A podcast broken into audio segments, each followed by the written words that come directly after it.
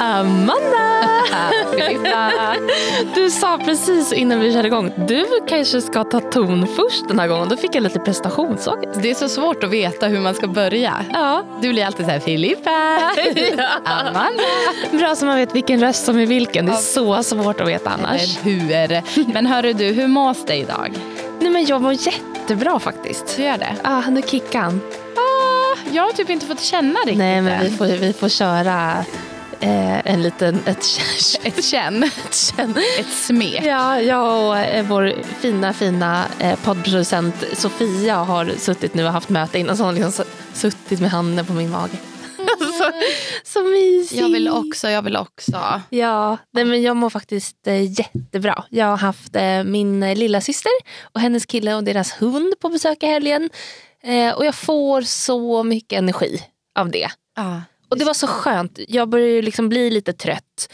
Eh, och så frågade jag vad de ville göra i helgen. De bara, nej men ingenting, bara hänga typ. Mysa. Och det var så skönt att bara, typ, vi, vi hittade på lite olika saker men mest var vi hemma och så. Tittade på film och käkade mat och bara hade häng. Så mysigt och ätit gott. Ja, så mycket gott. Du har det. Ja, hur mår du? Ja men eh, bra. Alltså, jag, är ju, jag har ju varit i Stockholm i helgen, eh, vilket vi kommer avhandla idag tänker jag. Men ja, alltså det, man är ju inte purung längre va? Det var hårt. Du låter lite sliten fortfarande. Alltså jag är fortfarande sliten. Va? Vi poddar idag, det är onsdag. Mm. Eh, vilket är ovanligt. Nej, men alltså, två dagar, tre dagars baksmälla. Alltså rent trötthetsmässigt. Det har ju varit real. Eh, så absolut, jag har känt, känt mig sliten. Sen fick jag ju något så konstigt efter Stockholm.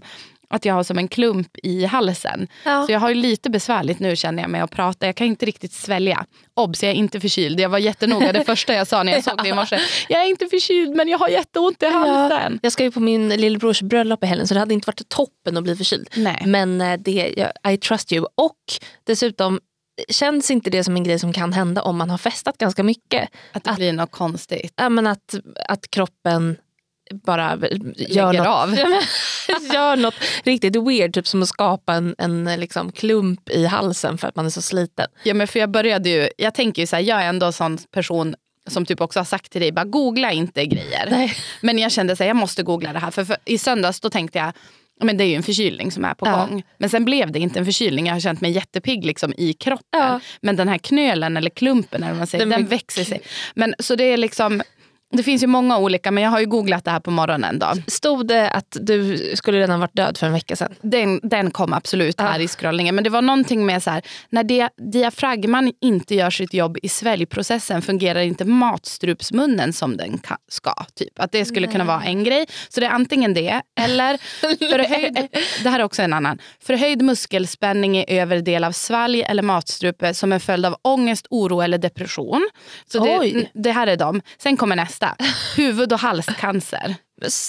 Gud, nu känns det som att vi är Eh. Fredagspodden, du är Amanda Schulman och sitter och, och liksom är superhypokondrisk. Sen kan det också vara förstorad lymfkörtel eller någonting. Så jag Ja. hoppas ju, jag ska till läkaren idag. Ja, Eh, vi ge besked nästa vecka hur det gick. Fan. Nej. Usch, man får inte prata om sånt här. Nej, För verkligen jag är ju en sån person som, eller jag beskriver mig själv som att jag inte är så nojig och hypokondrisk. Men Mm. det, det var, alltså jag har en natt vaknat så mycket av den här klumpen och känt bara, det här känns inte nice. Alltså någonting Nej. är det. Eh, det. Du vet när man har jätteont i halsen så får man ju svårt att svälja och liksom att det är ont. Men Fast det här är så ångest. tydligt att det är liksom, alltså, när jag trycker här utifrån så är det som att jag känner att det är en klump. Ja, men, En klump. men det var också så roligt att i morse att, att du var så himla så här, rosig och snygg. Jag bara, gud vad du var fräsch Amanda. Och att vi sen förstod att, det typ var ång- att du var så ångestrosig. stressad, typ. ja. Bakis och stressad. Ja. Eh, Men ska vi prata om Stockholm? Alltså en grej som jag har tänkt på. Ska vi? Filippa bara, äntligen får jag prata om Stockholm. En grej jag har tänkt på. Eh, du säger inte Stockholm. Nu har du varit i Stockholm så nu säger du Stockholm. Stockholm. Stockholm. Så brukar du säga. Aha, För det här var det. Stack, stackarn. Ja. Eller hur säger det? Exakt. Okej, också parentes nummer två. Ska vi prata om att min mamma tycker att Att jag är en Stockholm-mobbare. Du får berätta det här. när jag var i Stockholm, jag skojar, när jag var i Stockholm förra, förra, förra veckan eh, så sa min mamma, vad fan, vad? Nej men Nej men just det, jag visade vår för detta kollega Sofia Dalén, eh, programledaren och komikern som nu är med i Bäst i test. Eh, då visade hon har jätteroliga sketcher och hon har en, en eh, karaktär som heter Vendela som är Stockholms brud. Liksom. Jätterolig, så visar jag mamma. Och så säger hon, så kränkt, hon bara, alltså hur kommer det sig att alla får skämta om Stockholm men stockholmare får inte skämta om någon annan. Man får inte skämta om norrlänningar. Jag bara, men det är väl No, jag tänker så här, är inte det någonting man får ta som stockholmare? Alltså, jag tänker att allt... allt Bara kolla på maktordningen. Ja men lite så. Jag menar inte att så här, ah, så Stockholm har det lättare än många andra men allt utgår ju från, från Stockholm och då tycker jag att man kanske kan få ta den smällen att folk skämtar om nollåttor typ. Ja. Eh, och jag menar, det, och det är inte väl... så att det inte skämtas om, om norrlänningar. Ja. Nej. Du, du, tycker inte att det skämtas om norrlänningar? Jo! Ja, eller typ skåningar. Nej eller. men exakt, gräv bort Skåne och ja. tysta norr. Men, så. men det var så hon bara, jag har faktiskt tänkt på det. Amanda i podden, när hon ska göra sig till eller vara löjlig, då har hon Stockholm till det. Jag har inte tänkt på det. Det är så roligt för jag försökte ju tänka när du berättade här att har jag liksom en, men jag kanske är lite så här eller? Nej, jag ja, jag tror det. Det var också roligt, de två gångerna som jag har liksom inom alltså verkligen situationstecken skådespelat. Ja. Det var en grej på studentradion att vi hade någon sån här, jag kommer inte ens ihåg vad det hette, Familjen Annorlunda, det var så här, alltså radiosketch typ. Och då spelade jag ju typ en fjortis. Ja. Och vad hade du för dialekt då? Alltså jag pratade typ så här. eh, och sen så var det också så här när 22 kvadrat, alltså William Spets och gängets eh, radioprogram på P3 när jag jobbade där. Då fick man ju hoppa in och vara röster mm. eh, lite nu och då mm. i programmen. Och då vart jag alltid den här unga tjejen typ. Eh, så det, ja, det, jag har kanske, det kanske ligger något i det. Att, jag, vet. Ja, men det, jag tänker att det ändå är med lite kärlek. Alltså, Absolut. Jag menar, ja, det är ja. som att jag kan härma dig också om du... Typ bo, Bolischkarsen. Just det. Bolist. sa du det? Bolist eller vad sa du? Sa? Bo. Eh, Boppi eller? Nej. Säger man Boppi till Nej jag vet Jag brukar säga Boppi. Ska vi gå på Boppi? Ja, men du eller Boa. Boa-karsen. Ja, Boa. Ja, boa ja, dialekter hörni. Ja, kan vi men, prata länge om. Men reagerade du när du var i Stockholm? Alltså, tänker du så här, gud vad alla pratar stockholmska? Nej, men vet du vad jag reagerar på? Och nu kanske jag får en känga till av min mamma. Bara, Gud vad trevliga alla var. Alltså, så här, de var inte alls typiskt som jag tänker Stockholm. men du har ju lite Stockholmshat. Eh, men det, det är berättigat. Nej, är det det? Nej, men jag, tycker att, jag tycker ändå att jag har fått kämpa mot Stockholm. Nej, men okay. Jag tycker att dra alla över en kam. Jag älskar att vara i Stockholm men jag kan också bli så provocerad av att vara i Stockholm. Berätta. Ja, men över den här stressen, lite som du beskrev, som du nu gillade när du var hemma. Att jag känner bara, hur fan kan man vilja bo här? Alltså så kan jag känna. Ja men tills jag, herregud, jag lever med en person som säger så varje dag. Ja, så han, och han är ju härifrån så han ja. kan förstå. Liksom. Absolut, och jag menar det är inte så att det är lite folk som flyttar till Stockholm som nej. älskar det livet. Så därför kan jag ändå känna så här, nej men jag har inte, jag behöver inte Stockholm. Nej. Stockholm behöver inte mig. Nej. Men vet du, kände du så här när du kom dit? Gud vad alla är snygga. Nej. Nej. Kanske mina graviditetshormoner. Ja. Nej men när jag kom dit eh, då för två veckor sedan. Jag bara, åh herregud. Herregud, alla är så snygga. Så sa jag det till Amelie här på jobbet. Hon bara, men jag har hört att folk i Stockholm inte är så snygga. Jag bara, hur många bor i Stockholm? En miljon? Två miljoner? Absolut finns några snygga ja, men jag vet inte vad det var. Nej, men jag tänkte typ inte på det. Alltså, jag har ändå varit i stora sammanhang i Stockholm. Typ. Men jag kanske alltså. bara är mer ja. kåt än vad Ja, absolut. Nej, men jag tror också att det var så sol, folk hade liksom på sig lite tunnare kläder. Men jag vet, det är klart att folk är snygga i Umeå också men jag reagerar väldigt sällan på det.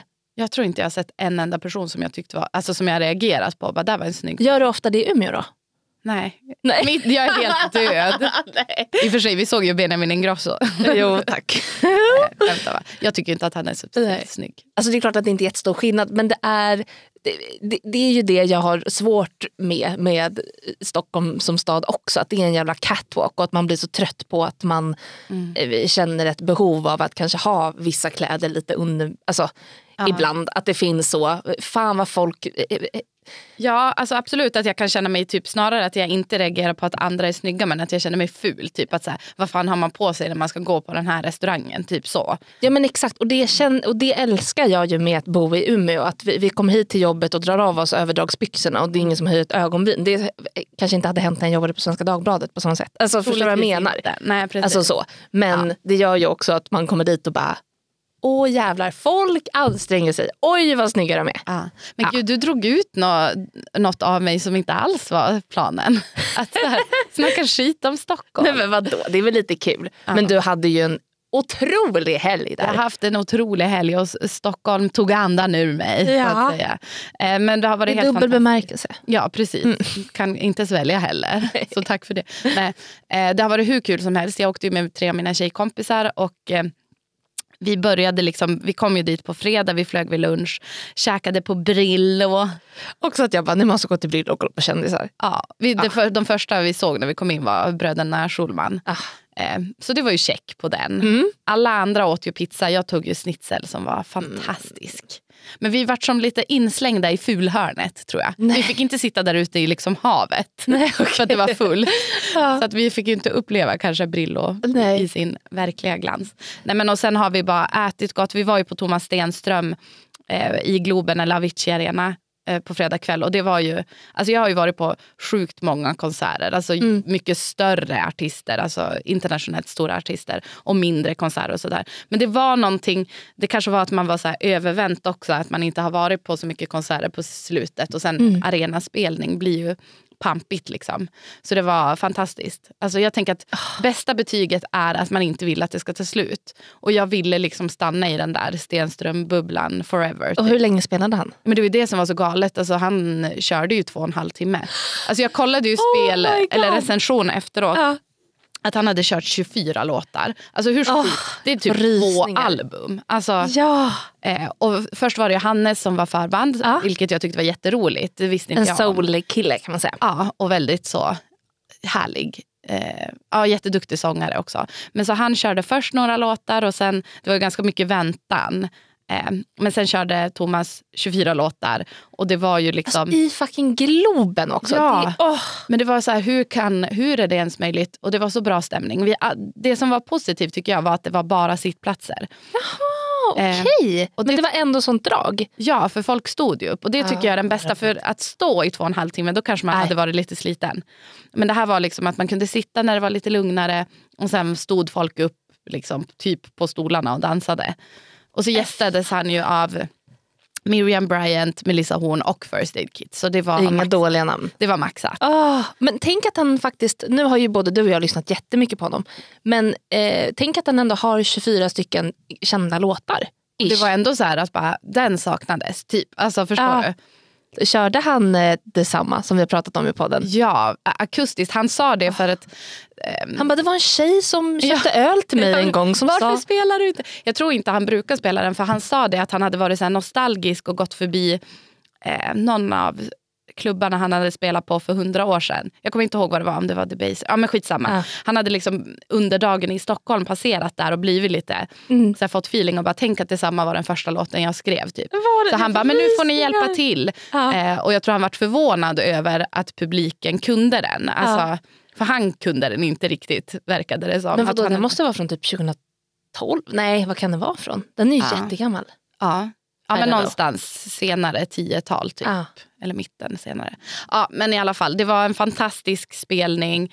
Eh, bäst skulle jag säga var eh, Hej hallå på slutet. Alltså jag älskar den Ah. låten. Jag och tjejerna spelade den jättemycket. Så det var, det var magiskt. Vad kul att gå på spelning också med folk som har lyssnat lika mycket. Ja, men vi vart faktiskt chockade över att vissa låtar gick hem så mycket bland publiken. Ja. Typ Bam Bam, alltså det är också en gammal, inte så jättekänd låt. Men det var sånt jävla drag på den. Nu blev det här så här internt. Thomas Stenström-podden. Ja, nej men vadå? Men vi måste säga till de som inte fattade det- varför jag frågade om detsamma. Vi, jag tror att vi pratade om det i podden, att du någon gång hade gått fram till honom och köpt en bärs. Ja precis, det var på en efterfest. Umeå Open efterfesten. Så Ja. då var, alltså jag tänker att den spelningen var ju liten. Det måste ju ha varit kanske 2000, ja men säg 2013 13, 14 Ja. typ. Då var ju inte han jättekänd. Nej. Men, och grejen att, för det sa jag också till tjejerna nu på spelningen, att så här, gud vad han känns liksom gentil och ödmjuk. Alltså Mm. Han var verkligen så här, tacksam att man såg på han, upplevde jag det som, att han typ inte kunde ta in hur stort det var att spela på Globen för 10 000. Utsålt. Ja, det var typ 10 000. De hade ju som stängt av lite. Ah, okej. Eh, Men det var Jag såg att det var några andra, ja men precis som, ja, han har ju sålt ut Skandinavium också tror jag. Ja, helt galet. Men att så här, jo, för det var det jag skulle koppla samman till den här efterfesten efter Umeå Open för Mm. många år sedan. Att då var ju han ganska dryg. Alltså då hade ju han, Ung. Vet, ja, han var ung och kärvade på. Ja. Ville bli artist. Ja. Typ. Alltså att det var lite den stämningen att han nu var, kändes ödmjuk inför Ah. det. Jag älskar honom. Jag tycker att han är underbar. Mm. Såg också Johanna Nordström var där. Ja, såklart. Det var bra kändisspotting i helgen. Absolut. Vilka såg ni mer? Ja, men Benjamin Ingrosso Var såg ni Benjamin Ingrosso någonstans? på Unpoco på kvällen när vi käkade. Såg du inte min story? Jo, men jag tänkte för lyssnarna, jag låtsas som att jag inte vet. Men det var ju att vi var alldeles för fulla för att typ bry oss. Alltså, Ja, men alltså, vi måste gå igenom, okej det här var fredag kväll. Mm. Lördag, du skickade något sms och bara hej eh, vi ska till Söder, vad får vi inte missa? Precis, du, skickade ju, Åh. du har ju varit sån bra guide. Så bara- gedigen eh, lista på grejer vi inte... Ja men jag har ju också inte kunnat sluta skicka tips och nu bara okej jag kör en snabb guide de här Det var gatorna. jättebra. Ja, men för vi, skulle, vi hade ju bokat bord på ett tips som också kom från dig men som kom från må- många andra Ja. håll också. Café Nissa på... Nizza. Ni, jag, jag har sagt Nizza hela helgen och sen har jag blivit osäker att för att de andra sa Nissa. Italian Nizza. Café Nizza. Ehm, ja, men du kan, du- hur skulle du beskriva det stället? Um, jättemysigt, lite mindre italienskt ställe som är superhypat för sin egengjorda surdegspasta. Mm. Alltså det låter inte så gott med surdegspasta men de gör ju egen eh, cacio e pepe.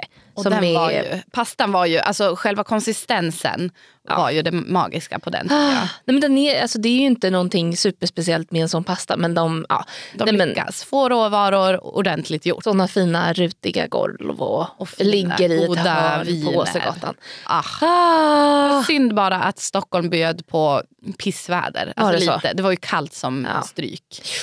Så att det var, men det var skittrevligt. Så vi hade ju bokat bord där klockan två. Vi alla var ju som ganska, för fredagen vart ändå ganska lugn. Det var vi gick ju inte ut eller något utan vi får hem efter konserten. Skönt att inte vara dödsbakis. Verkligen. Så då på lördagen då var det som att vi bara kände oss lite så busiga. Att, att det hade ju inte varit konstigt att åka hem på lördagen. Alltså, Nej. förstår du? Ja. Men då hade vi ju som bokat en hel weekend. Så, Så bra. Ja, men så vi var ju som bara taggade, eller jag och min kompis Elina var ju mest taggade på att bara dricka vin. Eh, Ah. Medan de andra kanske ville gå lite mer, mer i affärer. Mm. Men det måste jag också säga som, som jag kan bli avis på av Stockholm, eller med Stockholm.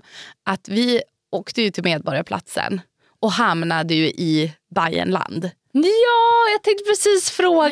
Ja. Det var ju Bajen-tåget. Precis. Var det allsvenskan premiär kanske? Ja, för jag har förstått att de bara gör tåget när det är premiär. Gud, min mamma skulle skämmas över mig om hon hörde det här. För att vi Eh, kom ju upp som två, eller fyra fåntrattar och bara vad är det som händer? Typ, är det alltid så här? Och sen var det någon tjej som vände sig om och bara ja men det är premiärmatch, då tågar vi till liksom, Det var gulligt. arenan. Bara hej Eh, turisterna.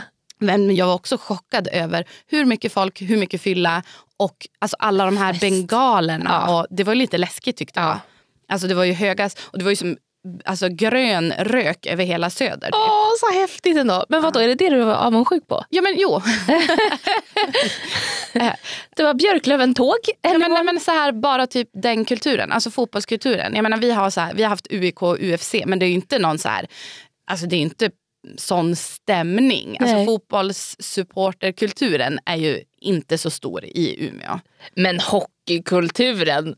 Ja, Fast det är ändå det jag fattar. jag är ju en fotbollstjej så Ja. jag skulle ju tycka att det var kul att gå på fotbollsmatcher om jag alltså, hade bott. Mårten tänkte gå på den här Umeå-matchen som var i, i Ja. söndags. Eller vad det var. Mm. Så roligt. Han bara, nu kanske jag ska börja kolla på fotboll. Är det i Alltså vi gjorde ju alltid det när vi var små med UIK. Eh, UIK heter de så? jag, har aldrig, jag tror aldrig jag varit på en UFC-match. Men, Men, kul. Ja, Ja, men det fortsätt. tyckte jag var lite kul. Eh, så då hamnade vi ju lite i modet att så här, fan vad kul att bara dricka bärs och Ja. gå på fotboll. Typ. Eh, men så vi gick ju på Nissa och, Nizza, Nizza och det var jätte, jättegott. Och vi, Ja. då vart vi ju lite på pickalurven redan då. Och då kände man så här, då var klockan typ fyra kanske, att så här, nu kan ju inte vi liksom lägga av. Nej, Utan då skulle vi- ni bli trötta. Och... Ja, så vi fortsatte kröka på. Eh, stannade till på någon uteservering, eh, for hem sen, fixade i ordning oss lite. Ni gick i lite butiker också. Ja, Men jag tror inte jag köpte någonting. Du shoppar lite kläder ju. Jo men precis, men inte då. Nej, okej. Men, men det är också roligt att shoppa när man är lite pickelurvis. Ja, men åh, det är sån utomlandskänsla. Vi pratade om det också eh, häromdagen när vi pratade igenom helgen. Så vi har faktiskt redan pratat om det här. Men, eh, det är så det gick roligt. inte att vänta till onsdagen. Nej, exakt. Nej, men det är också roligt när man är, man behöver inte ens vara utomlands, men när man är på en weekend någonstans och när man är lite full och går och köper något plagg och bara, typ är lite så hög på Crazy. livet. Och bara, det här är snygga. Och så kommer man hem och bara, jag kommer aldrig använda det. Nej. Ja. Men vi får se med det. Men, eh, och sen, ja, men, eh, då hade vi bokat bord på Unpoco då, Mm. klockan tio. Har du varit där? Nej, så otroligt sen tid att gå och käka middag. Verkligen. Eh, och det, det var det verkligen. Men då var det som att vi bara, men då kanske det är lite mer så här partystämning. Eh, och då träffade vi några kompisar först innan på, alltså vi bodde ju på Haymarket, eh, men på Gretas på restaurangen där i anslutning till Så hotellet. trevligt. Jättetrevligt att köta med dem och så. Och sen var ju vi, skulle vi ju promenera.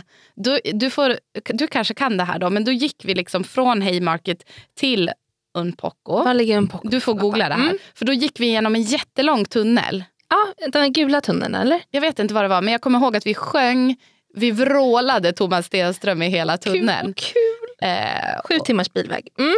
ja, just det.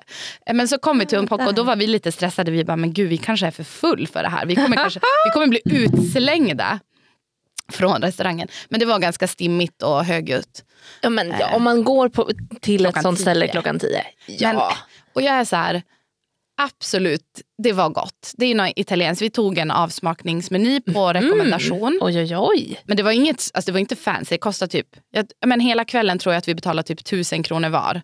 Så att det var Jaha. inte så farligt. Nej. Men det var, det var, tror jag, vi hade ju ingen koll på vad vi skulle vänta oss. Så det var jättemånga serveringar, alltså kanske fyra, fem Ah, serveringar. ja. Då. Eh, men man visste som inte vad det skulle bli av. Förstår du? Om man är nykter kanske man bara, ah, men här kommer lite sånt. Och, Ja. ja. Men det Och var, så när man är full, man tar en, en tugga bara, vad var det jag åt nu igen? nej, så jag kan inte recensera maten så bra. Jag tyckte inte att det var någonting Nej men Benjamin Särskilt. Ingrosso var ändå där. Ja, men jag tror att det kanske är någon som äger den då. Nu får du jag fattar. googla. Men jag tänker Alltså. då borde inte det vara ett betyg på att det är en otrolig restaurang? Jo men jag tror inte han käkade, jag tror bara han kom in och Visa upp sig. Ja, lite så. Men Ja. eh, det var, jag tyckte att de var lite, alltså att det var lite så här stressig stämning och att de var Mm. lite, till en början lite dryga. Okej. Eh, men att de var ändå trevliga sen, för sen började de ju tipsa vart vi skulle gå vidare. och så här. Men att de var lite osäkra, vi fick typ inte det vinet vi beställde. och så här. Jaha. Men du vet, det var inte så toppen service. Typ. Nej. Eh, Men bra kväll. Och sen så började jag ju mässa runt och då hade jag väl skrivit till dig. Ja, då låg jag absolut och sov. Var man gå ut någonstans? Ja. Eh. Och då hade jag ju, om jag hade varit vaken, då hade jag ju sagt, eh, för- ett tjejgäng som är som har varit på Thomas Stenström konsert, skulle gått till kanske Södra Teatern. Och att jag, när jag sa det här till dig i veckan, att jag kände mig som 100 år gammal för att jag bara, det är lite, så nostalgisk musik, det låter verkligen som ens Det föräldrar är nu. det man vill ha. Ja, men, men det kan vara lite hiphop och R&B men Ja. det, det kan också dras in en och annan hit. Eller Ja, men liksom. man vill ändå kunna sjunga med för att vi, men vi hamnade på Kasai i alla fall. Och jag har ju varit på Kasai flera gånger förut och käkat och det är ju svinbra mat. Jag har aldrig varit där, så det är för att du har varit på fler ställen i Stockholm. Eller hur? Men det är jätte, jättebra mat, sushi och liksom jättegoda drinkar. Mm. Men nattklubb, nej, not Nej. so much. Alltså det var skitdålig musik rent ut sagt. Men var det lite så, var det typ house? Nej, ja, fast det var typ instrumentalt. Alltså, Ja. Det var inte så här sjung med sånger. Nej. Jag kommer ihåg att Shake Shake That Ass med Eminem kom. Ja. Och då var som alla bara oh my god för att Ja. man kan den låten. Typ. Ja. Alltså, det var så här kvällens höjdpunkt med den låten. Du? Lite stämningen. Men, men lite, ja, men jag fattar, man blir seg om det är musik man inte får kickar av. Ja. Jag gillar inte heller att dansa. men också roligt att min kompis Karo gick fram till DJn och klagade. Bara, Hallå jag tycker att ni spelar så himla dålig musik. Och då hade han svarat, eh, jag tror nog att du har dansat färdigt för ikväll. Hade han rätt? Ja, hon ramlade också sen. Ja, Som gammal DJ skulle jag säga, ganska otrevligt sagt. ja, men eh, det var också att jag, typ, alltså jag hade kunnat göra det här mycket bättre än er. Och han, han bara, vi har en beställning. Jag bara, men vad fan, känn publiken, byt musik. Han bara, vi har en beställning. Typ så här. Om du hade jobbat med det här hade du vetat. Gud vad roligt. Kaxigt av dig faktiskt. Ja, men jag blir ju någon sån där som tror att jag kan allting på fyllan. Typ. Jag vill säga, men de, deras varumärke är väl att de ska sve, spela minimalistisk techno. Typ. Alltså, så här. Jävla tråkig beställning. Sådär, jag ska berätta en liten, en liten Ja. parentes. När jag eh, eh, förut. Varför, varför är det som att jag har börjat hävda mig med att jag har DJat? För att jag Det- tror att jag är så tråkig Det är så coolt. Nej, men, och då var ju vi jättesmå och spelade på ett ställe som heter Kåken som inte finns längre. Och det var liksom väldigt kreddigt när det begav sig. Eh, och då så spelade vi där kanske två gånger och sen så var det som att de slutade svara. Jaha. Eh, och vi bara hallå typ. Och så fick vi reda på att de tyckte att vi spelade för liksom, kommersiell musik. För vi spelade bara så guilty pleasures. Typ. Ah. Alltså så här, Rihanna och Beyoncé. Typ. Ja, men, och då var det liksom... De, de det var hade, inte kreddigt nog. det var väl inte deras beställning så att Nej. säga. Nej. Så att jag menar det är ju sådana där ställen, jag tror att man är, jag tror att de inte säkert, så här, hade de satt på en Rihanna-låt som hade varit underbart för er, de, det, hade, det går liksom inte. Det är så. Och det är så, eller går och går går det väl säkert, men jag, det är många ställen som är sådär töntiga och aldrig skulle spela så töntig musik kanske som, ja. Men är det inte en sån kultur i Stockholm då att man får gå upp och önska låtar av DJs? Jo men det beror väl på vilket ställe, Okej. tänker jag. Vi var helt fel ute. Jag tror det. Jag tror ni skulle gå till Södra Teatern. Där hade vi Nästa gång. med. Ja, jag tror det. Ja.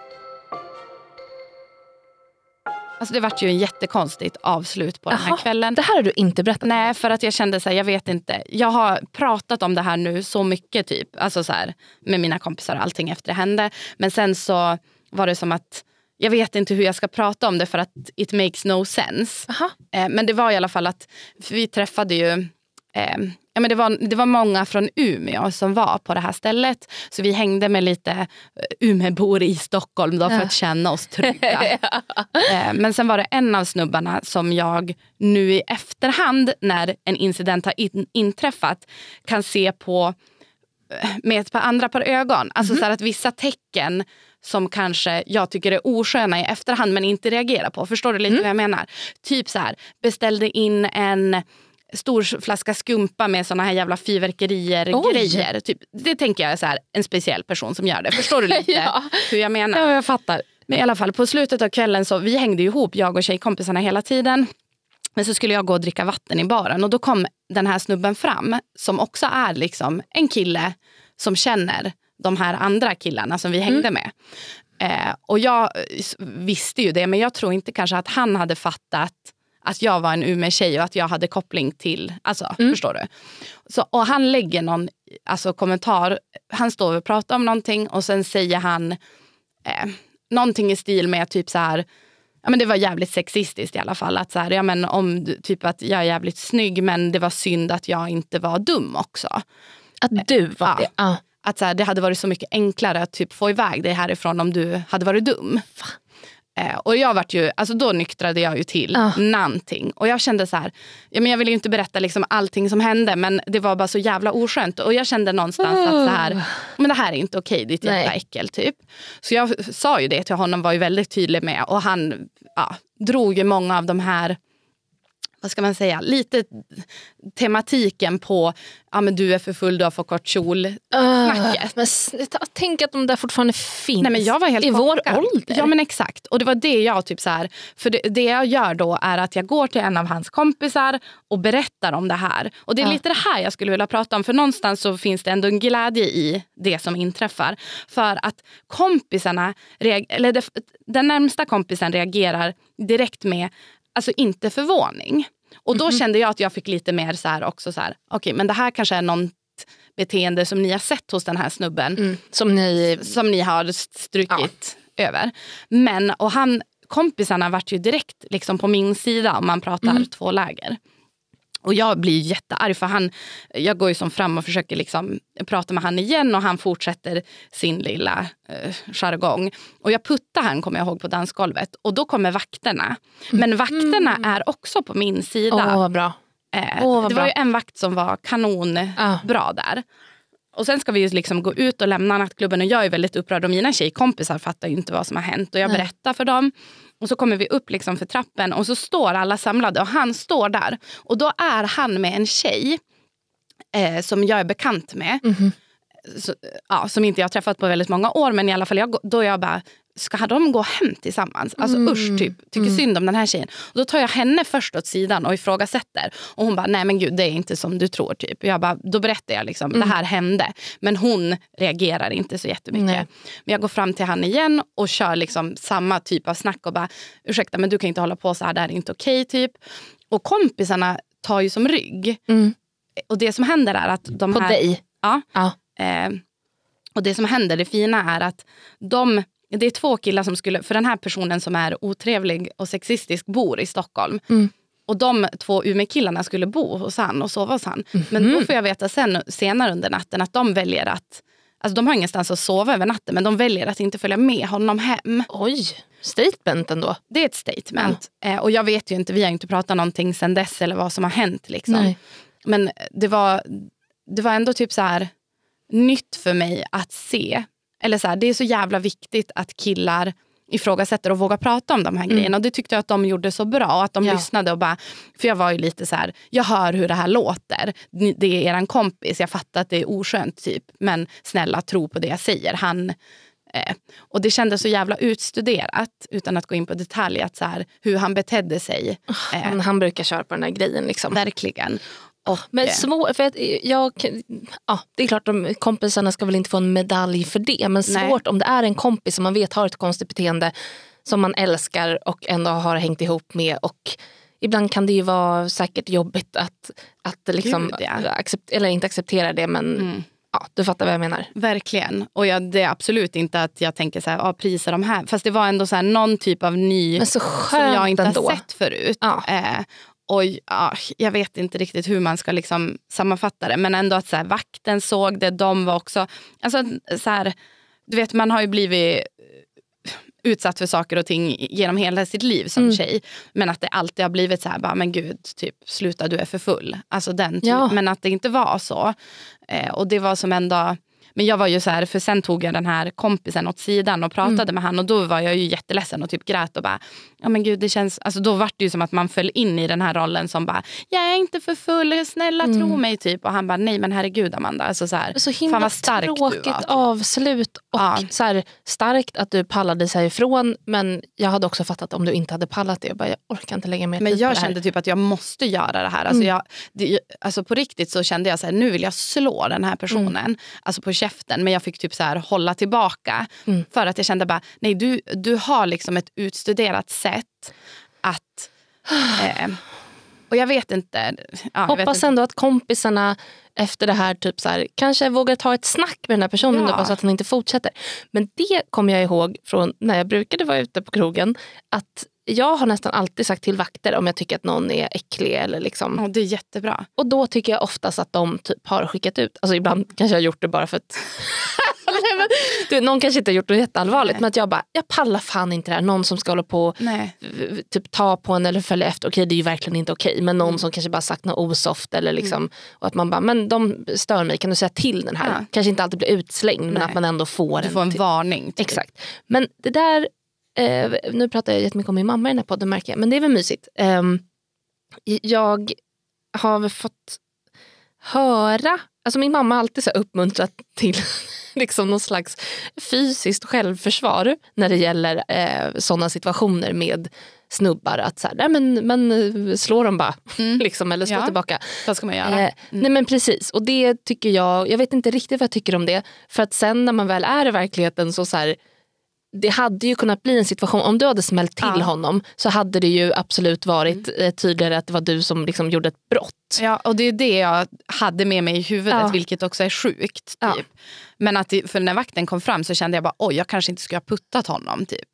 Men att de bara, okej det var helt rätt, typ det du gjorde. Ja. Men att, nej men absolut, det, det var ju det som for i huvudet. Alltså, nej men jag kan inte smälla han och jag är mamma till två tjejer. Alltså, vad ska, Ja. jag, ska jag typ, ska det bli rättegång? Nej men alltså förstår Mm, du? Exakt. Men, Men det, han stod där som ett fucking fån och bara, jag har aldrig sett dig förut. Jag har aldrig träffat dig. Typ, vem, vem fan tror du att du är? Typ, alltså, Usch, den där. obehagligt. Och jag bara, alltså dra åt helvete. Gud vilken tråkig, vilket Ja. tråkigt slut på kvällen. Det var det. Men Ja. samtidigt så här, jag kände mig typ ändå stärkt hur jävla Mm. sjukt det än låter. Men att så här, fan, nej men det är dags att sätta ner foten. Och att jag kände så här, för man har ju satt ner foten så många gånger. Mm. Men att jag typ så här bara, men jag, är, jag har rätt till att göra det här. Jag är vuxen. Alltså förstår du? Lite den här ja. känslan så här, jag kan argumentera för mig mm. själv nu. Jag vet, jag kan säga de här grejerna som kanske går in till honom. Typ. Alltså, och skönt att du ta ansvar. Nej, men ja. alltså, LOL absolut men mm. skönt också att känna att du blir backad. Att det har hänt någonting. Att folk ändå fattat ja. att så här, det här är inte ett okej beteende. Mm.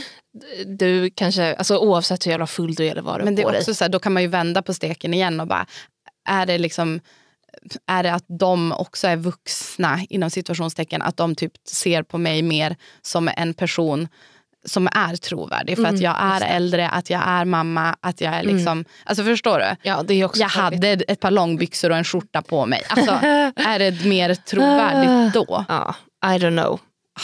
Men ja, fan vad trist. Mm. Fuck, fuck them. Verkligen.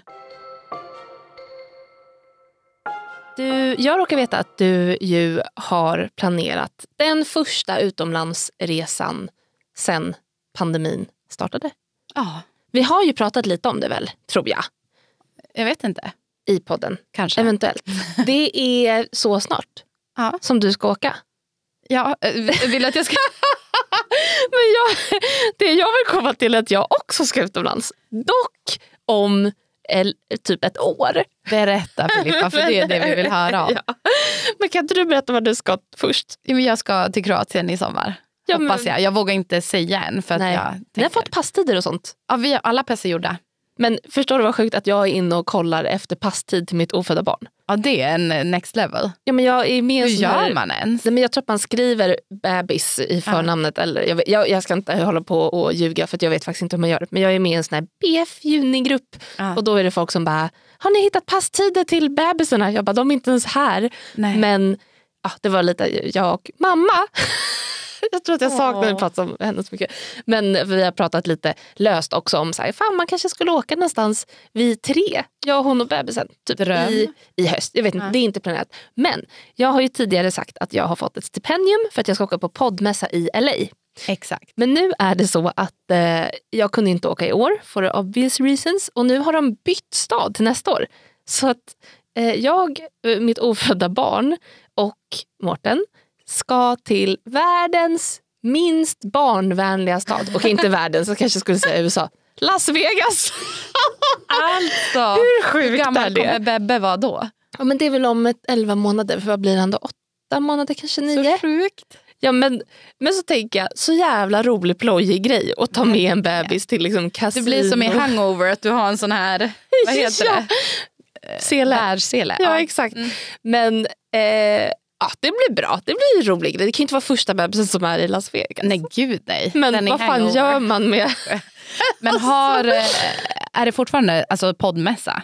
Ja. Mm. ja men, så då går vi jag på den och Mårten och bebisen hänger runt. Det finns något akvarium där. De kan, jag tänker saker blinkar och låter i massa olika ja. färger. Det är väl perfekt. Och så himla kul. Jag tänker det. Och sen så, eh, nej men jag är så peppad. Det känns bara så himla sjukt att gå in och läsa så reseguider och tips. Alltså, det var så länge sedan. Det gör mig så glad. Att sitta på ett flygplan och ja, bara... hatar jag i Ja just det, du är flygrädd. Ja. Men, och då tänker jag så här, man kanske kan vara i Las Vegas i de här tre dagarna. Eller mm. vad det är. Och sen kanske vi ska åka till LA därifrån. Det är ju bara fyra timmar med bil. Och då får man göra, det har ju varit min och såklart typ alla andras stora dröm ja, men att göra en roadtrip. Ja, verkligen. Eh, och jag tänker att den har lagts lite på is för jag tänker att ja, det kanske är svårt med en bebis. Men man kanske kan göra en liten roadtrip. Ja, en mini kid friendly one. Exakt, och då är det ju alltså Route 66, den här legendariska vägen. Herregud, mellan... ska du köra? Jag har sagt det till Mårten, jag bara, jag kommer ju inte köra då. Nej. Alltså fy fan på de här stora highways och så är det, får man svänga höger och allt vad det är. Jag vet oh inte. my god, typ åtta filigt. Nej men det kommer inte gå. Alltså jag får panik om jag kör i Stockholm. Ja, nej gud det ska jag aldrig göra. Nej. Alltså köra bil i Stockholm ens. Nej. nej. Inte ens till Vi får se hur det går. Det kommer bli så himla spännande. Nej, men förstår du? Nej, men jag ville bara slänga ut att jag och mitt ofödda barn ska till Las Vegas. Jag kommer ihåg Förstår det. du vad kul ändå? Ja, men på tal om det här med ofödda barn och pass och sånt. Att, ja, för vi bokade en resa, undrar om det var med, det måste ju varit när Sigrid var ofödd. Eh, och att man skulle så här, fylla i, liksom, då skriver man ju typ bara Nej, jag vet inte vad man skrev. Man skrev ju typ ja. BF-datumet och bara frågetecken, Ja. frågetecken. Typ. Alltså att det går att boka till Ja. Personer som inte existerar. Som inte Alltså. har ett personnummer. Tänk om det blir hans första resa, Las Vegas. Alltså roliga föräldrar Du, ni sätter ju liksom nivån. Jag vet. Varje år. Har du varit i Las Vegas? Nej, Nej. men det, jag kanske absolut inte hade åkt dit om jag inte hade ett ärende dit. Jag känns Nej. ju inte som så eh, kasino, korta klänning, liksom fodral. Jo. Men det blir roligt. Ni måste ju ändå gå på kasino någon gång. ja, men det det tänker- får man ta med sig bebisar in? Ja men det tror jag. Ja. Alltså, Och dessutom så är det tydligen så att det är så billigt med hotell där för att man, de vill att man ska lägga pengar på att gambla. Så att man kan bo pissbra för typ inte så mycket pengar. Gud vad sjukt. Ja. Så att man ska ha pengar kvar och spendera i Jag tror det. maskinerna. Alltså sen är det klart, ja, det finns lite olika. Men, Ja. eh, Gud vad roligt. ja, men så det sitter jag mycket med och planerar och tänker. Då. Men när ska ni bo behöver ni boka resa? Och... Ja, Ja. exakt. Ni får stå för liksom hotell och sånt? Nej eller? men jag får eh, resa och hotell för mig då. Ja precis. Men så blir det blir inte dyrare bara för att Mårten följer med. Nej. Så. Gud vad coolt. Ja, så det är någonting roligt att se fram emot. Ja, så vill jag också ta upp en annan grej. Yes, hit me. Som är att jag har ju gått till en eh, underbar psykologstudent här i Umeå. Hade mitt sista samtal igår. Herregud, är du utexad? Ja, eh, nu är jag frisk. Ja. Nu mår jag bra. Ja men det var också så roligt för att min första gång var typ så här, jag hade plussat för så två dagar sedan. Första gången jag gick. Hon har verkligen följt med dig. Ja med under- hela och Ja. nu är jag liksom jättetjock. Det var också väldigt, vi satt och pratade om det. Ja men det har varit eh, verkligen tips om man känner att man vill gå och prata med någon. Eh, att gå via psykologmottagningen. Det kostar så här, nu blir det liksom lite reklam, men typ 125 spänn per gång. Och jag fick gå 20 gånger. Har du varit 20 gånger? Ja. En gång i veckan? Ja typ.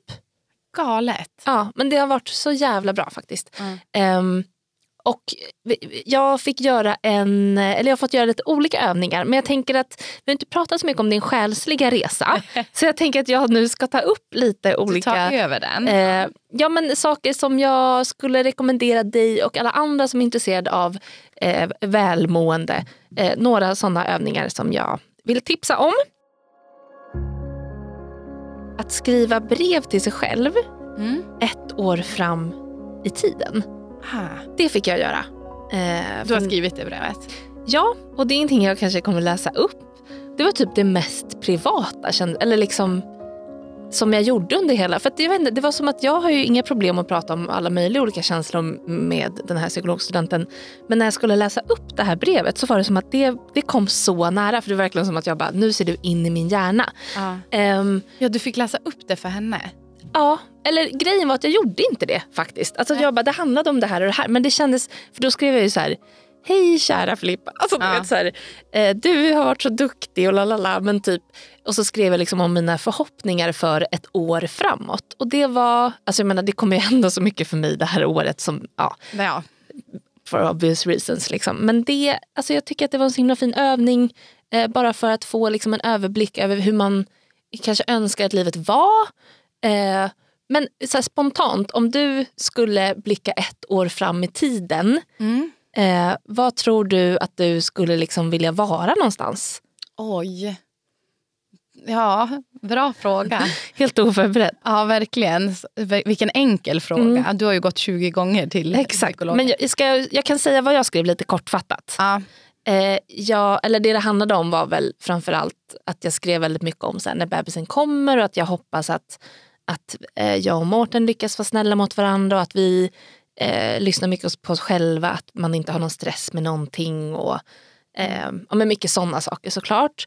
Eh, men också, eh, ja men så här, ah, nu blir det, det blir så annorlunda för, för mig och för dig men lite kring ehm, typ föräldraledighet. Och, alltså jag tänker att det är också en så stor, så stor grej eh, att ge sig in i liksom någonting nytt och hur man kan tänka då. Alltså Men mycket typ så hur du vill att det ska vara. Ja men Alltså, precis. Mm. Eh, men även kanske så här, eh, ja, hur jag hoppas att jag har landat mer i den här staden och lite så här, men mycket förhoppningar. Ja, okej. Eh, men också kanske hur, ehm, ja, men jag tänker summan av kardemumman var typ, eh, jag hoppas att jag fortsätter vara snäll mot mig själv. Mm. Eh, att det blir så centralt. Mm. Jag förstår att det, var, alltså att det känns privat. Eller det blir så Ja. himla...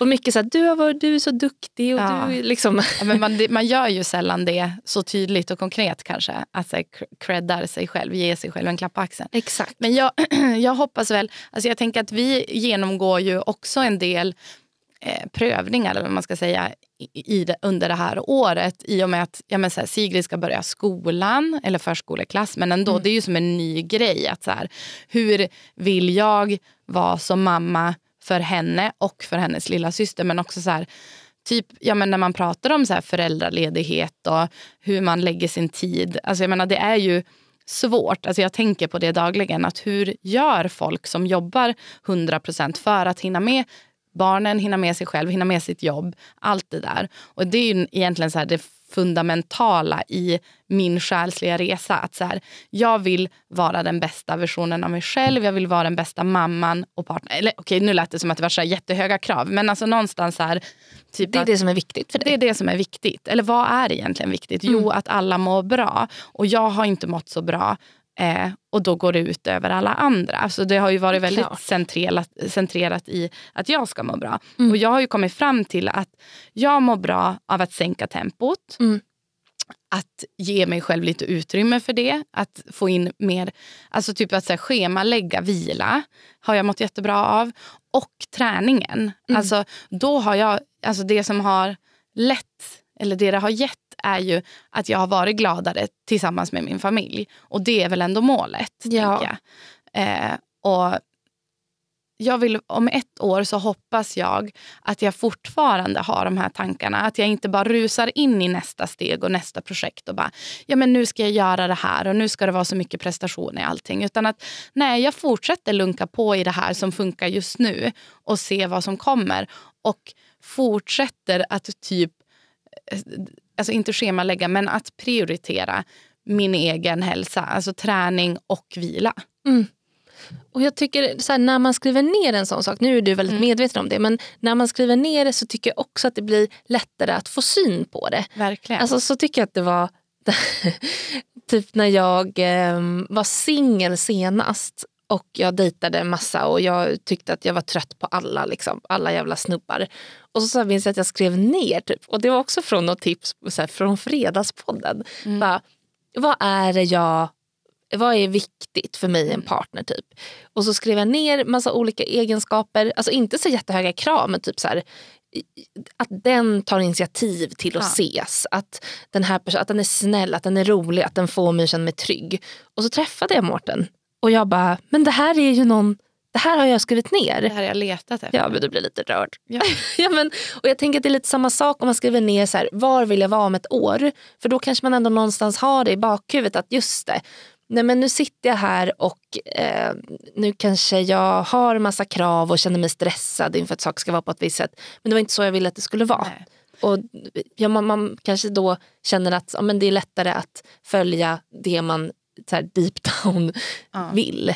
Det är så svårt. Alltså, det är så himla eh, lätt att tänka hur man vill ha det. Mm. Men att sen agera på det är så jäkla svårt. För jag tänker på det med den här följetongen eller man säger i podden. Att så här, ja, men jag är på en själslig resa och sen utmynnar ju allting i olika saker och jag som testar mig fram av vad jag mår bra i. Men det skrev jag ju till dig också här i förra veckan. Att så här, Gud, jag har verkligen nu sista veckorna har jag tappat det själsliga. Alltså det här inåt eh, vända, eller man säger. Alltså jag har inte skrivit tacksamhetsdagboken, jag har inte mediterat, alltså som jag startade med. Men, och då kan man ju bli så här, men gud nu, nu känner jag mig dålig för att jag inte har gjort det som var planen. Men då har jag ju istället lagt tid på typ att springa. Och det har ju varit skitroligt och det har jag ju fått en belöning av på det viset. Att Ja. jag här, fått energi av det. Men att det är så lätt att så här, tänka att man felar. Typ, Ja. och bara, men va, alltså, någonstans måste man ju också typ go with the flow. Att så här, vart Ja. tar den här resan mig idag? Gud Eh. Men att stanna upp och reflektera. Så här, vad har jag gjort som har fått mig att må bra? Typ. Alltså, Ja, och det där säger ju min psykolog, min före detta psykolog också. Att hon bara, men du har ju hjulspår som du har åkt i i fucking 30 år. Hon ska nog inte säga fucking men nej. 30 år.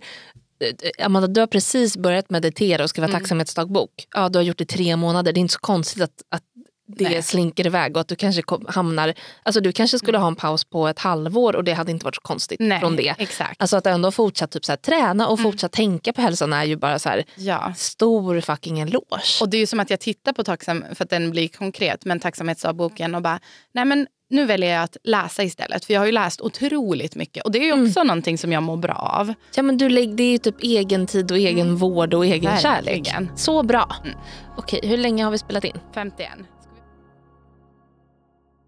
Ja, men eh, jag tänker att jag kan, jag har lite andra övningar men jag tänker att jag också kan kanske de kommande veckorna så kan jag ta upp lite fler Ja. eh, Men som vi jag- kan göra. Jag tänker att det är en jättebra grej att kanske skriva ett brev. Eh, jag gillar ju den här tanken med någon slags så här, time capsule. Typ att, Mm. vad, för jag vet att vissa gjorde det, att de skrev så här, till sitt vuxna jag. Ja. Typ, som de fick så här på oss. Gud vad spännande. Jag önskar Alltså typ på studenten. Ja. Alltså, tänk att man skulle ha fått det nu. typ. Alltså, Så jävla spännande. Ja, men det är nej men fint sätt bara också att få syn på så här eh, hur långt man ändå typ kommer år för år. Ja. Alltså, ja. Men så det här var ditt första tips. Och så nu kan det följa i våra nästa avsnitt. Att det kan komma det. till tips. Ja. Ska vi snurra in på någonting som också får en att må bra och få vila Ja, det huvudet tycker jag. på? Tv-serier och filmer. Vi hade ju en cliffhanger förra avsnittet. Jag sa alltid förra veckan men det är ju faktiskt två veckor sedan. Eh, Tv-serien Lust som går på HBO Max. Och den har jag liksom hunnit gräva ner och gå vidare från lite. Ja, jag såg sista avsnittet i förrgår. Ja. Ja. Vi, vi, vi sa väl någonstans att vi var kanske lite två sidor. Att du tyckte att det var lite sämre och jag tyckte att det var lite bättre. ja, jag tycker inte att den är dålig men eh, du tyckte att den var så himla bra så jag kände att jag var tvungen att vara lite Jag tyckte bad att den var himla rolig. Ja, Så kan man väl säga. ja. Det, det är inte men så, det var rolig. För att nu när jag, att jag säger att jag grävt ner den, att nu kommer jag typ inte riktigt ihåg vad den, alltså jag har ändå gått vidare. Det är inte en sån serie som stannar kvar.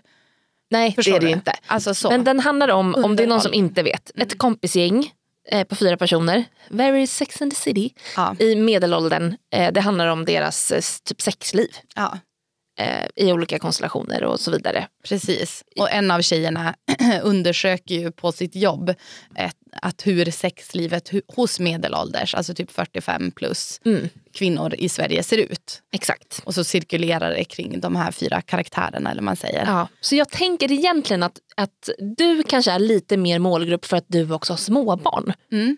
Skulle jag säga. Alltså, Ja, det är ju jag ett kanske annorlunda kan- liv. Liksom. Jag kanske kan känna igen frågeställningarna Ja men exakt. lite mer. Ja. Eh, men och samtidigt, så här, jag tycker att det kan vara ganska skönt eh, eller så här, om man pratar om relaterbart, att så här, ja, men typ Sex and the City och den här serien, att även om de är äldre än, än mig så kanske jag mer kan relatera till dem än vad jag kan göra att se typ Gossip Girl. För att jo. jag lever inte det livet. Och inte, alltså jag var ju ganska tidig då med att skaffa barn, att jag var typ 25. Mm. Alltså så här, förstår du vad jag menar? Absolut. Ja, men, och man har ju älskat Sex and the City sedan man var liten man. Men Mm. jag.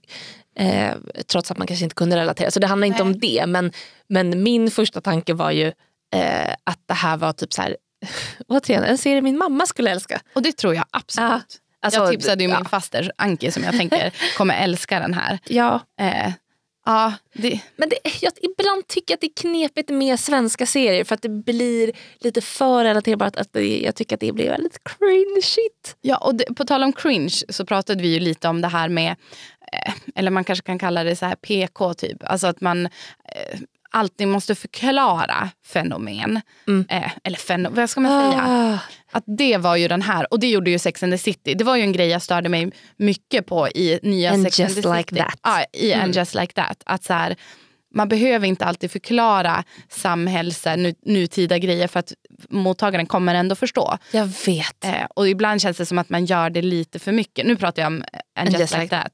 Att så här, vi måste få in den här aspekten, vi måste få in den, vi måste få in den. Och då känns det ibland som att det liksom bockar i statistiken. Ja, Men för där var det ju verkligen så, oh my god what is a podcast? Typ för att man skulle känna igen sig. Så alla Ja. nya, man bara, men, oh, typ, alltså det blir för överförklarande. Men jag tror också att det är för att vi är en yngre generation. Ja, absolut. Men det kände jag igen jättemycket i Lust. Alltså jag tyckte att inom liksom lopp, alltså typ första avsnittet, inom loppet av tio minuter så hade man Eh, alltså nu kommer jag inte ihåg de exemplen för länge sedan jag såg första avsnittet. Men det var typ så här. Eh, kan man ha dreads fast man eh, ja. är vit? Kan man, alltså vad är TikTok? Vad är ja, så det här, med svarta snoppar, stora snoppar. Ja, men, alltså, typ. det var så mycket så att man bara kände att det var så här, det stod en upp i halsen med allt som skulle kommenteras och allt som skulle göras narr av. Typ. Eh, och ja, jag vet, jag tycker att det var Alltså man hade inte ens behövt kommentera det. Alltså det hade varit jag, roligare om det var okommenterat. Verkligen. Men jag tror ändå, för jag tänkte jättemycket på det där att om jag skulle ställa frågan till typ så här, mina föräldrar, eh, mina, alltså de som mm. är så 45 plus, då tror jag att de hade tänkt som de karaktärerna. Ah, jo, att sant. de inte förstår. Nej, de har bara hört så här, ah. dreads, det får man väl inte ha precis. nu. Som, jag tror att alltså, de så. hade agerat precis som, så därför ah, tänker jag att det var trovärdigt i serien. Förstår du? ja, jag fattar. Eh. Och att vi tycker det är cringeigt för ah. oss är det så självklart. Typ. Men, och jag tyckte att, för jag kan tycka att det är kul då att också se det som ett perspektiv alltså, titta upp på det och se det som så här, mamma pappa perspektivet. Ja. Att det blir igenkänning på att man bara, ja men bla bla bla squirting typ. Att de ja. bara squirting. Typ. Alltså, alltså, då blir det igenkänning på ja. att de konversationerna har man också haft. Förstår du? När man ska då. försöka förklara typ så här, varför är, eller vad är När du ska försöka förklara squirting. Ja, för pappa. Nej, men, ja. Alltså, alltså, Nej, men okej, så... Ris och ros. Ris och ros. Ja. Jag gillar ju, alltså såg du Heder? Alltså man, Nej. För det var ju lite, ja men den är ju bra. Tror du att jag skulle gilla den Du då? gillar ju för sig inte riktigt det här deckar. Nej, jag, tänker, jag tycker de är duktiga de här fyra kvinnliga skådespelarna. Nu är det inte ja. exakt samma i heder men det är lite, sam lite, samma ja, lite samma känsla på hur man bygger en serie. Och eh, sen har ju Robinson haft premiär. Ja, jag har ju du... aldrig tittat på det. Nej. Från när jag var, eller liksom när jag var liten. Herregud, man blir ju inslängd direkt i det. Jag Men det är också att du hamnar mitt i liksom kaos eh, serien. Alltså så här, oh my fucking säsongen. God. Alla som jag började heja på från början har ju, okej, okay, spoiler alert. Varit kriminella eller och fått corona. ja, men alla har ju åkt ut. Så fort jag börjar heja på någon så åker den ut. Jag vet. Men det är ju så spännande. att det är, man bara, hur, alltså Jag tänker också så här, produktionen bakom. Hur löser de om ja, alla får corona? Det är min dröm att få corona? jobba på ja. Robinson. Fy fan. Men, men alltså, vad, vad tycker du som har sett tidigare säsonger? Ja, men jag har bara tänkt att herregud vad de har, alltså, som äh, arga snickaren säger, allt kan hända i Robinson. alltså, är det inte lite Paradise Hotel-vibb nu eller? Jag ser ju inte PH, Nej. eller har jag aldrig sett. Jag tycker bara att det påminner om att det ska vara så olika pakter och läger. Och... Ja, men så har det alltid varit i Robinson. Men tror du inte att det är fler som ansöker nu när det är lite mer, det känns som att det börjar bli mer och mer så här man är typ lite influencer och kommer med. Absolut. Och att man är med för att det är reality snarare mm. än att man är en Robinson, en överlevare. Ja det är det ju. Och det är ju många, alltså de mer true to Robinson, kränkta över också. Ja. Så här, ja, men, och det, det har varit en diskussion de senaste åren jättemycket. Det kommer säkert komma i slutet av den här säsongen också. Vem är värdig eller inte? Det är ja. liksom stora temat. Vem är egentligen en värdig Robinson-vinnare? Typ? För de skickar ju också ut dem som är hot. Liksom. Jag vet. Och, men det, de gjorde det tidigt i år. För. Annars brukar det vara närmare sammanslagningen för sen mm. kommer alla slås ihop och då blir det individuell tävling och då vill man ha ut hoten. Mm. Men i början handlar det om att liksom få igång allting, vinna tävlingar och då brukar man vilja ha kvar de starka. Så det är lite annorlunda ja. i år. Men jag eh. tänker, eh, borde man inte åtminstone typ kunna göra upp en eld för att bli Robinson? Eller? Ja men kan någon det? Det verkar ju inte som det. Nej, kanske inte. Eh, tänk, min lilla syster, eh, det kanske jag hänger ut henne, men hon har ju hon har som en stor dröm att hon skulle vilja vara med. Är det sant? Ja, och jag tänker att jag skulle säkert ha flera kompisar som skulle vara peppade på det där. Eh, det där, nej, men på liksom det där slags livet. Men jag, alltså jag kan inte tänka mig något värre. Är du en person som skulle kunna... Aldrig. Nej, jag tänkte Aldrig. ändå att du skulle kunna vara så här, men fan vad kul, man ser om man kan överleva. Ja den biten, men alltså ta bort mat och sömn, då är inte jag en människa. Alltså jag skulle, jag skulle vara så vidrig. Alltså förstå inte äta. Nej men jag, jag känner bara så här, förstå gå runt och lukta svett och inte få tvätta nej. håret. Och så typ, alltså, när, har du sett Gränslandet också? Nej. När han Hayes skiter, skiter, sitter liksom, det var så jävla roligt men också sjukt maktspel. Satte sig liksom i vattnet framför dem på deras nej. strand och bara sket. Nej. Men fy. På tal om Hayes, han såg vi, han jobbar tydligen i säkerhetskontrollen på Arlanda. Ja. Alla vi bara, what the fuck. Det, Men gud, bra känslospotting. Nej men jag tänker att det finns en slags person som kanske skulle vilja vara med och lockas av det där. Men jag lockas inte av någonting. Nej. Såna sand, sandloppor och, fan. Tänk att vara blöt och kall och så är det sand. och så får man typ corona. Nej men det var ju sjukt. Nej men alltså nej, nej, nej, nej, nej, nej, nej, nej. spännande. Nej, Jag har verkligen velat fråga dig. Men absolut inte jag heller. Nej, Du kanske alltså, inte är jätteförvånad men. Nej men det hade varit väldigt kul. Men vad roligt att din syrra och du är så olika där då. Jag vet men hon är också så sportig. Hon skulle kunna de här tävlingarna väldigt bra. det hade jag som. tyckt var kul att vara med och tävla. Alltså bara få göra tävlingarna. Ja. Men för, har du någon du hejar på? Ja, men alltså, nej, inte just nu. För nu är det ju, allting är ju fucked up. Och det kommer Ja. säkert vara ännu mer när det här avsnittet släpps. Men jag tyckte att hon Angela var kung. Jag med! Alltså, hur, vilken kvinna. Åh, jag ryser. Och att hon bara, hon var inte rädd för att ta en diskussion Nej, och stå upp för vad hon tyckte. Underbart. Och så kåt på Anders. Det är också så sjukt roligt. Jag tänker hur hon, underbar. hur hon sitter idag och tittar på det här och bara, gud vad jag var kåt på Anders. Nu var han eh, cancellad. typ. Ja, just det. Just det. Ja, ja. Nej, men fy fan. Det, det här följer vi med spänning. Vad roligt att du Verkligen. är en Robinson-tjej. Verkligen. Men du, nu har vi spelat in Ja, jättelänge. nu ska vi avrunda. Och vi har ju faktiskt eh, sista och avslutande delen med vår dola Emma. För nästa gång vi poddar med henne, förhoppningsvis, då kommer du ha fött barn. Alltså att det Jag här har varit också som en följetong i din graviditet. Jag vet verkligen. Och vi pratar om dagarna efter förlossningen. Eh, Alltså jag menar, det är ju eh, eh, väldigt konstigt att tänka på, för jag tänker så mycket på förlossningen. Ja. Men tänk, liksom, sen kommer vi ha honom här. Jag tänker ingenting på det. Tänk Nej. inte på det det innebär. Förlossning och så vidare till Vegas. Liksom. Exakt. Ja. Okej, Ja. give it Puss på away. er. Dola Emma. Amanda och Filippa hänger med hela moderskapet. Och nu till det som alla har väntat på. Del fyra med våran underbara och härliga vän och expert Dola Emma. Hej. Välkommen tillbaka. Du börjar känna dig varm i kläderna Emma. Oh ja, det här är ju fantastiskt att få Ah, komma hit och prata med er. Ynnest att få prata om de här frågorna. Mm. Och förra, förra gången du var här så pratade vi om förlossningen. Det blev ju väldigt, eh, ett väldigt komprimerat liksom 15 minuters avsnitt om någonting som vi kan prata om i flera, flera timmar. Men det Det- blev mycket kroppsvätska och det känner jag summerar bra. Exakt. Precis. Ja, vi hann ju aldrig snudda vid Ring of Fire och alla de här grejerna. Men det tar vi när du har fött barn Filippa. Absolut, ser fram emot det. ja men idag ska vi prata om de första dagarna. Och liksom efter, alltså när bebisen har kommit och det som kallas eftervård eh, och den eventuella och förmodade chocken som man säkert känner när man har fått sitt barn. Hur var liksom första dagarna för er två? Minns ni när ni fick era första barn? Vill du börja Emma? Ja, jag kan börja. Oj, det var... Om du vill berätta. Nej men alltså det, det var ju... Det var absolut en chock. Eh, på BB så var det väldigt så här, nej men gud vad händer nu? Och jaha, ska vi vänta där? Och hon föddes med sugklocka och hon fick sår på huvudet av den. Så vi, det blev lite så extra koll med läkare. Det var inte närheten av så komplicerat som jag förstått att din förlossning var. Men det var ändå mycket att vi förstod inte om det var en läkare eller barnmorska som skulle komma. Det var mycket spring. Så jag var ganska stressad på BB och var bara så här herregud vad är det som har hänt? Eh, och sen kommer jag ihåg när vi kom hem, då började det liksom landa. Och då, hon föddes i mars. Och jag var så här, åh gud, tänk om det kommer snöflingor i ansiktet på henne. Bara det var sån här som jag bara, panik! Hur gör man? Ja! Och så min man försökte någon dag att säga, men gå upp och lägg dig och vila. Men alltså, jag började storgråta av att vara liksom på övervåningen och vara ifrån dem. Och sen blev det som lite kämpigt med amning och vi fick åka tillbaka och få lite hjälp. Och, så att det var, var en väldigt fin start. Eh, det var inte så komplicerat som det kan vara men det var, var väldigt kaos. Alltså det var mycket känslor hit och dit. Däremot är jag väldigt glad för att vi tog mycket bilder på BB.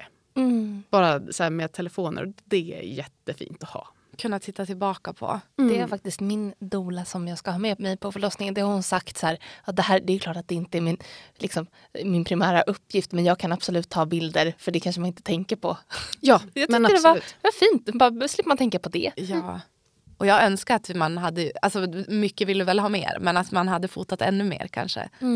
Vill man absolut ha fina bilder från förlossning eller från tiden efter, anlita en Ja, fotograf. gud. Mm. För att, eh, Lena Li kanske? Ja. Vår kära vän. Nej men absolut, att tänka att ha de där fina bilderna eh, när man får upp barnet på famnen. Och, alltså, ja. ja men det, det är ett bra tips. Mm. Men för du sa tidigare i vårt lära känna avsnitt att du också fick depression. ja, jag blev sjuk i en förlossningsdepression. Ja. Och hur lång tid tog det innan du liksom visste vad det var? Det var inte förrän efter sommaren faktiskt som jag förstod det. Och jag var garanterat sjuk i depressionen redan innan. Men sen när min man var ledig under sommaren och det bara sommaren gör att det är lättare att komma ut och sådär. Då märktes det som inte av så mycket. Och sen var det som att det bara störtdök när han gick tillbaka och jobbade igen.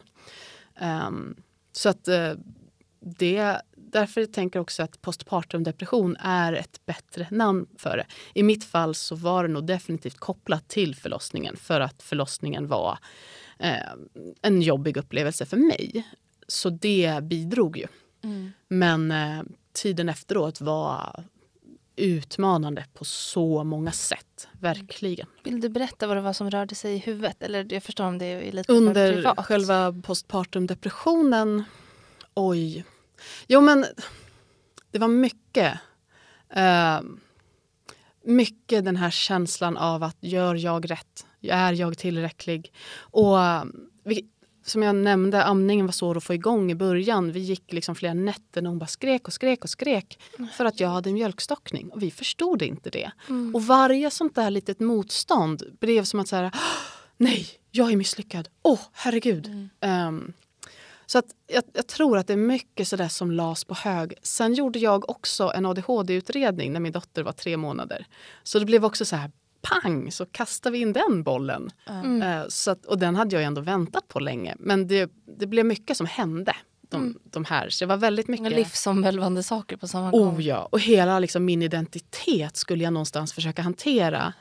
På sömnbrist, på hormoner, ehm, Med en nyfödd. med en nyfödd. Mm. Och, alltså, och det här är inte, jag menar, hon ammade mycket, inte så här, något extremt, jag satt inte fast men det var mycket amma, Mm. det var lite sova.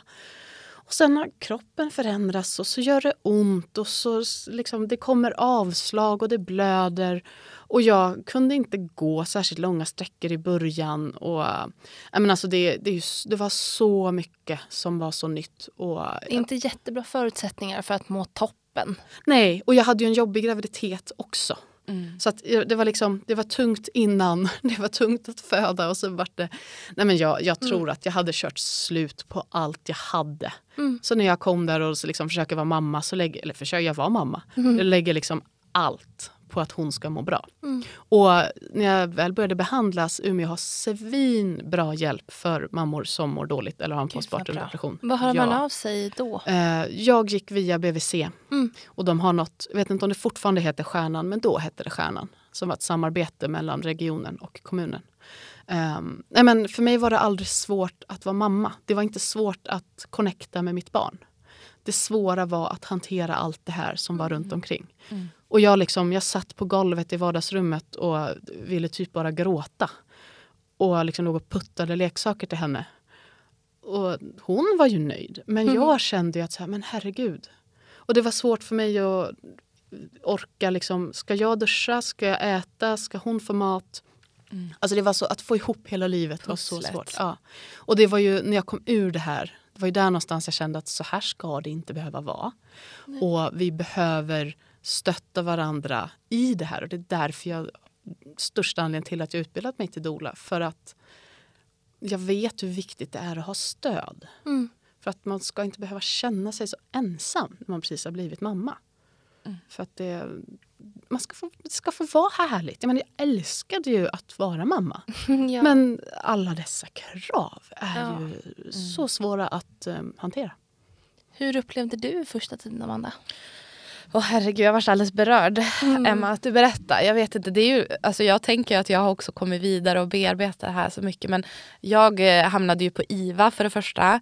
Eh, och eh, alltså jag, det är ju jättekonstigt att tänka tillbaka på det. Så att jag var ju som inte där de första timmarna utan det lasset fick ju min sambo ta. Och han, jag sov ju på IVA första natten också så att jag var ju inte ens där då.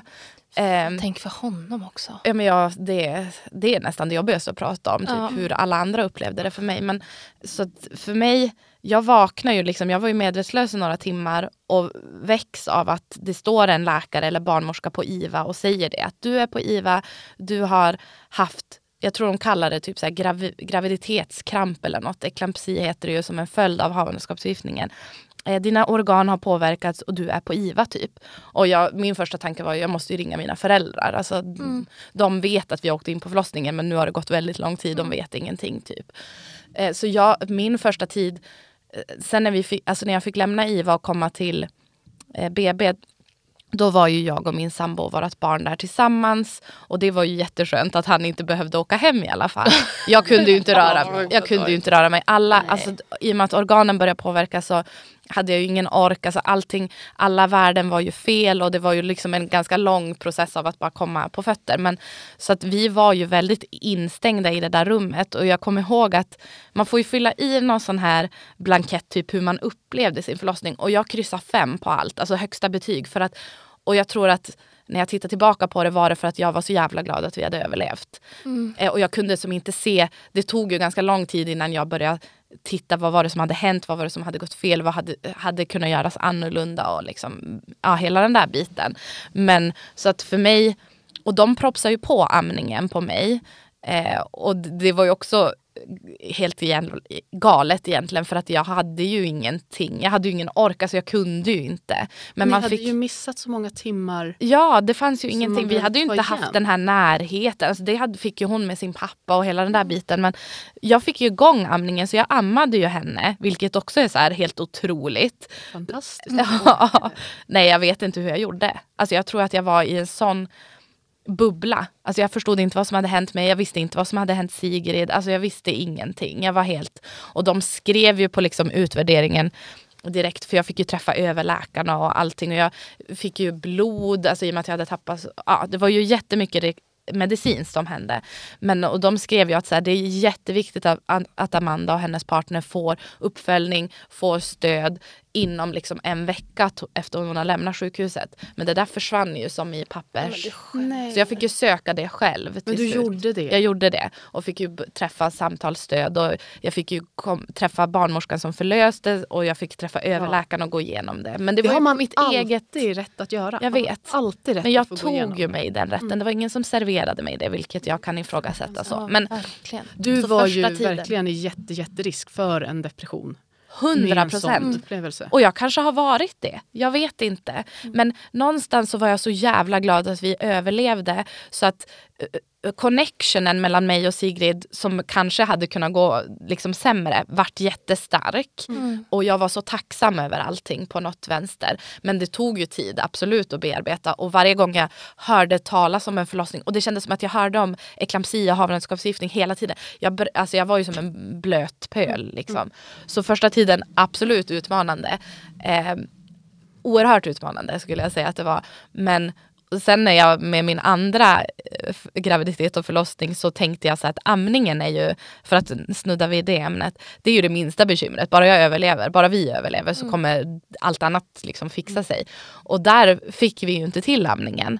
Och, så att det var ju också som så här, jag vet inte, man kan alltid bli besviken på sig själv för olika anledningar. Men i själva verket så äh, gör man ju sitt bästa typ. Ja men herregud. Och så här, vad spelar det för roll egentligen hur ditt barn får mat? De Nej. behöver närhet och trygghet. Mm. Och det är ju återigen Nej, men det var, alla dessa krav. Det var så mycket ju. krav. Och, och jag kommer ihåg när jag fick gå och träffa den här psykologen via, eh, vad heter det här, barna, det som ligger som ovanför sjukhuset, ja. landstingssjuk, ja men någon barnpsykolog, eh, BVC-psykolog typ. Mödrahälsovården? Ja, kanske? heter det kanske så. Ja men skitsamma. Och psykologen sa till mig då, kommer jag ihåg, att så här bara, ja, men typ pratade om så här att vara i en kris, att uppleva ett trauma och chocken. Och för mig var det så sjukt när hon sa det. För att jag hade ju förträngt allting kanske. Mm. Att jag bara, jag har varit med, min kropp reagerar precis som ett trauma. Men att det var så svårt för mig att ta in det. Man tar det på allvar. Liksom. Ja, Ja, det är ju, för det är ju jättestort för kroppen och för hjärnan att hantera det. men Men ja. jag tänker också det du säger att du var så tacksam att ni överlevde. Alltså det här är Sverige på Jag vet. 2020-talet, även om dina barn kanske föddes på 10-talet. Ja. Men alltså vi måste kunna ha högre krav, Krav. än så. Eller hur? Eh, och sen alla får inte Nej. och havandeskapsförgiftning. Men när man får det ska man ju få hjälp. Men också få det hela vägen. Du ska inte behöva söka det Nej, jag vet. Och vi ska kunna föda barn och känna att, så här, att vi överlever det. Liksom. Det ska man inte ens reflektera över. Mm. Men det var verkligen sen så ska man vara stolt och stärkt av så mycket, mycket mer. Ja. ja, det är galet. Och då, det var ju då när man pratar om förlossningskrisen att det blir extra jobbigt för mig som Ja. också är från Gällivare. Att så här, jag hade ju inte överlevt om jag hade bott där. Alltså det är då det blir verkligt. Jag och Sigrid hade inte överlevt. Och, det, blir ju så mycket... fruktansvärt. Det Jag är vet. Och då tänker jag på alla som har gått igenom det där. Och så, det är ju, man får ju alltid... Alltså katastroftankar kanske blir en mer naturlig del av ens vardag när man får barn. Eh, och och också man lever av, eller lider av till exempel depression eller att man är ju sårbar på jättemånga sätt. Men att jag var ju det var ju nästan det värsta att så här, tänka om. Vad hade hänt? För jag fick ju kramperna efter att Sigrid hade fötts. Vad hade hänt om jag hade fått det innan? Vad, alltså det var så mycket sånt där som jag bearbetade egentligen helt själv. Och det är där du behöver hjälp från vården. Ja. Eh, För jag menar, ditt fall är ju ett sånt där det behövs hjälp. Mm, och det visste de om också men sen föll det mellan stolarna. Eller, jag vet inte. Och, och där är också så här, känner man att nej men jag mår inte bra. Propsa, gå till BVC, säg att du vill ha hjälp. Ta med dig en partner, ta med dig en vän, ta med dig mamma. Alltså, du, du behöver inte göra det själv, det finns hjälp att få. Och du behöver inte, all, behöver inte slåss för att få hjälpen, är jag på väg att säga. Ehm, Tyvärr är det ju. Ja, tyvärr måste man ju det. Men ta med liksom någon nära Mm. och hjälp dem att föra din talan. För det är väldigt lätt att sitta där och bara, nej men allt är så bra. Och det, det som också var så jävla viktigt för mig, alltså lång tid efter, ett år, två år efter, att ha någon som man alltid visste att man kunde älta det här med. Eh, och för att även om så här, alla ens vänner och partner och så försöker ju alltid finnas där så kände jag ju ett väldigt stort behov av att få liksom grotta i det här och få förståelse i det. Och att ha en person som man visste att det var okej när man mådde piss att ringa till och älta allt det här. Det var alltså avgörande för mig skulle jag säga. Det är jätteviktigt och man behöver få prata många, många, många gånger om sin förlossning. Och jag jobbar ju mycket så i det postpartum-stöd jag har att ehm, jag lägger upp det ut efter vad de som mina klienter behöver. Och då handlar det ofta om att prata igenom en tidigare upplevelse. Den kan vara fem år gammal, det spelar ingen roll. Om det här är något du bär på nu, då är det något du behöver bearbeta i någon form. Mm. Jättebra tips. Jag tänker att vi avslutar med, med det. Att sök vård. Det, är Det finns piss. hjälp att få. Det finns hjälp. Eh, Det är piss Och att du behöver söka. Dolor liksom. även. Ja. Alltså, om du inte når fram i vården, förhoppningsvis behöver inte alla det. Men även dolor kan stötta i postpartum. Vi, vi finns liksom på, på den delen också. Mm. Och att vara beredd att lyssna till dig själv, till, di- Ja. till barnet och ditt eget. Typ som i frågan om amning, för att det här är en sån het potatis. Att ibland så funkar inte amning och det finns så mycket bra vägar. Jag har provat båda och jag kan säga att mina barn mår jättebra. Man Och kan delamma, man kan Ja. mysamma, man Men- kan flaskmat. Alltså, man kan, det finns så mycket olika sätt och du, ditt barn kommer må bra. Och någonstans så får man vara egoistisk ibland och bara, mår jag bra av det här? Nej, jag mår fruktansvärt. Mammas mående måste komma först. Så är det. Alltid. Bra sagt. Tack Emma. Ja. Tack. Eh, Nästa gång vi ses så har jag förhoppningsvis en liten bebis. Åh, Vi får se när det blir. Jag kan Ja. man vet inte hur man Det- mår efter förlossningen. Det kan ta lång tid innan jag orkar spela in ett poddavsnitt. Gud. Men jag hoppas att vi ses igen och får, får eh, Ja. prata om allt det här och att jag kanske har absolut applicerat en del tips som jag har fått eh, och från hoppas dig. du får en fantastisk förlossningsupplevelse. Ja. Att det blir som du vill att det ska bli. Ja, Nej men det känns faktiskt lite peppigt nu. Ja. Härligt. Och lycka till. Emma med, med kommande förlossningar och allting och föräldraskap och Samma. i, ditt, i din roll som doula.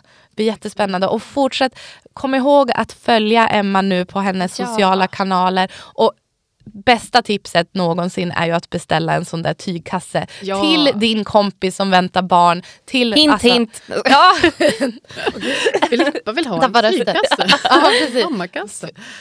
Skäm bort dina eh, livmoderbärarvänner Ja.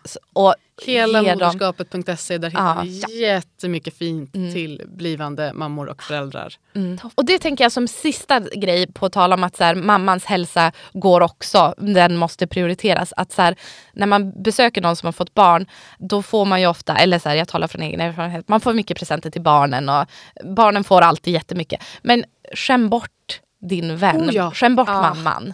Alltså bästa, tre Mm. topp bästa till Ja. en nybliven mamma. Ny, alltså mat. Det kan Mat. vara en pizzakartong, Ja. det kan vara men mat. Eh, en lapp där det står såhär, stanna inte mer än 10 minuter. Eh, eller Mm. typ 30 minuter. Men alltså att man verk- eller att man säger det när man kommer. Jag har tänkt stanna så här Mm. länge, så mamman vet. Ja. Och hjälp till med hushållssysslor. Ah, Verkligen. Alltså, fråga inte ens. Ställ dig och diska, städa, plocka. Mm. Ehm, eller om de har äldre barn, ta med dem ut. Och bara, nu går vi till lekparken. Exakt. också en, en kasse från hela Och så Ja, givetvis Bra. en postpartumkasse från hela moderskapet. Tack, Tack, Emma för att du har varit med oss under den här säsongen. Så Och vi ses och hörs. Ja. Lycka till. Tack Tack som fan för att du har lyssnat på Umeguidens podd. Och glöm inte att följa oss på sociala medier. Det heter vi Umeåguiden utan Å och med A.